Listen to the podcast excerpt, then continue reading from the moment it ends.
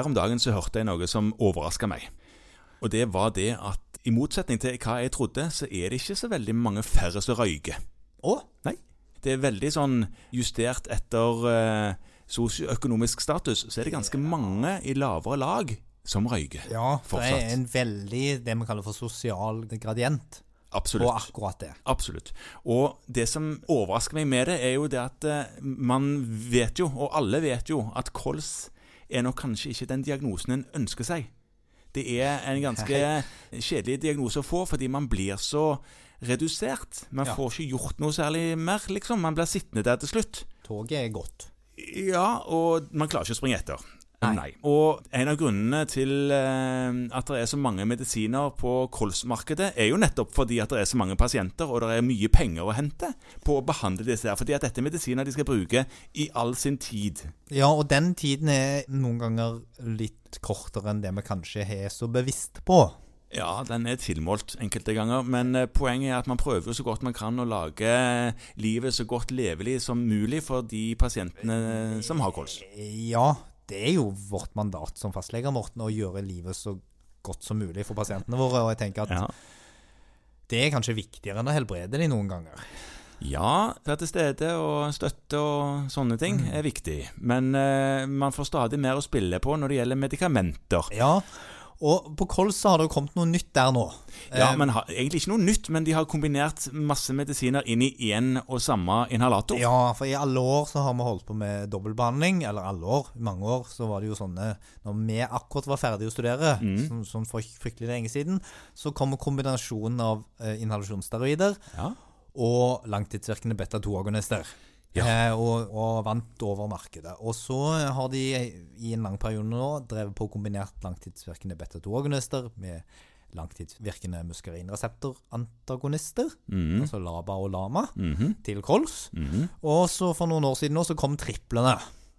Alle Ja, hvor de tre hiver oppi steroidene i den laba-lama-greien. Og vi skal ikke bruke tid på hvilke kolspasienter som skal ha dette. Det er en del, det er i henhold til behandlingsretningslinjer. Mm, som snakker om nytt.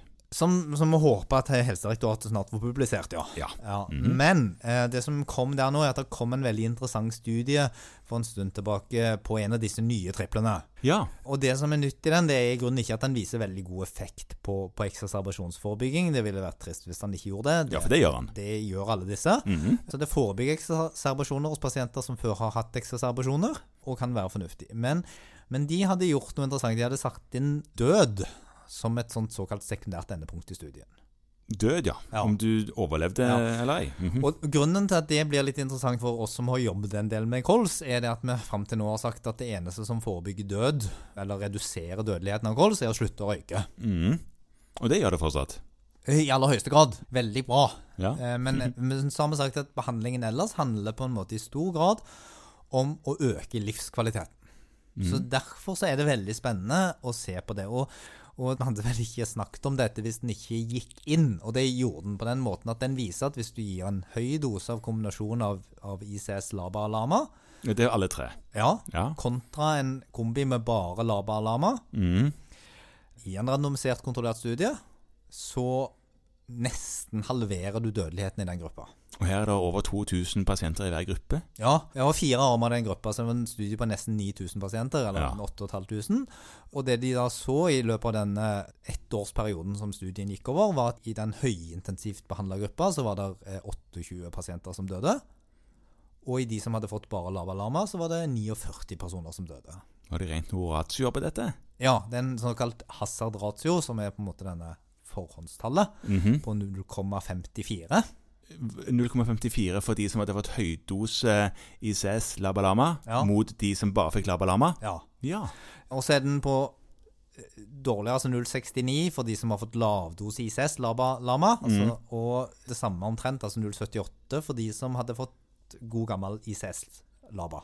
Og det interessante da for sånne ratioregnere, det er jo om, om de krysser 1. Ja, det gjorde det. Det var et eh, konfidensintervall som gikk fra 0,34 til 0,87. Nå var det mye statistikk i denne podden. Jo, men poenget er at hvis du ikke krysser 1 på disse ratioene, så er det litt mer signifikant. Ja, men da er det ikke signifikant. Ja, nei, altså vi, denne her gruppen eh, som hadde Hazard ratio på null, var det 0,54 du Ja. sa? De, hadde, de kryssa ikke null. Ja. Da er det en reell reduksjon Ja. i risiko for død. En statistisk sikker reduksjon. Ja. Ja. Og det er jo kjempespennende. ja visst. Hvorfor har vi ikke hørt om dette, da? Nei, det kan du si. Det står ikke i felleskatalogteksten. eh, Så derfor så har nok ikke dette firmaet snakket noe om det. Men, og det er ganske nytt. Ja. Og, og, og eh, det snakkes litt om i forskningsmiljøene som noe nytt og spennende. Mm. Dette må man undersøke mer. Dette må vi undersøke mer. Vi vet jo ikke om dette f.eks. er en klasseeffekt. Det er nå vist for dette preparatet i dette studieoppsettet, og sånn vet jo du som har holdt litt på med forskning òg innimellom, at det, da må vi jo repetere det og undersøke Ja, ja. det grundigere og se på det om igjen og følge det opp. Det ene studiet sier det vi må først gjøre det igjen. Ja. Men det er i hvert fall veldig, veldig interessant for oss som jobber med kolspasienter, og det gjør alle fastleger.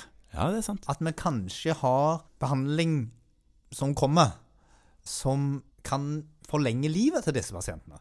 Ja. Og gjøre at de får det bedre. For de fikk jo også i denne studien, som de får med trippelbehandling, de som skal ha det. mm. Mindre ekseserbasjoner, bedre livskvalitet.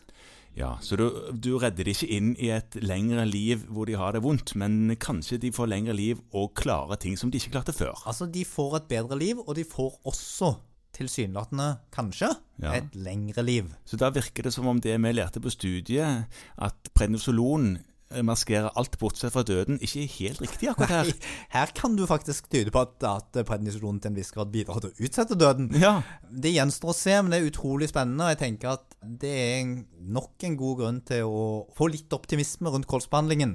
Ja. Ta det inn på årskontroll og snakk med dem, og hvis det er god indikasjon for det, prøve ut behandling som kommer. Mm. Og når nå en av disse triplene viser dette, så er det veldig, veldig spennende å se på om vi kan gjøre enda mer for en pasientgruppe som kanskje ikke det har vært så godt stilt for.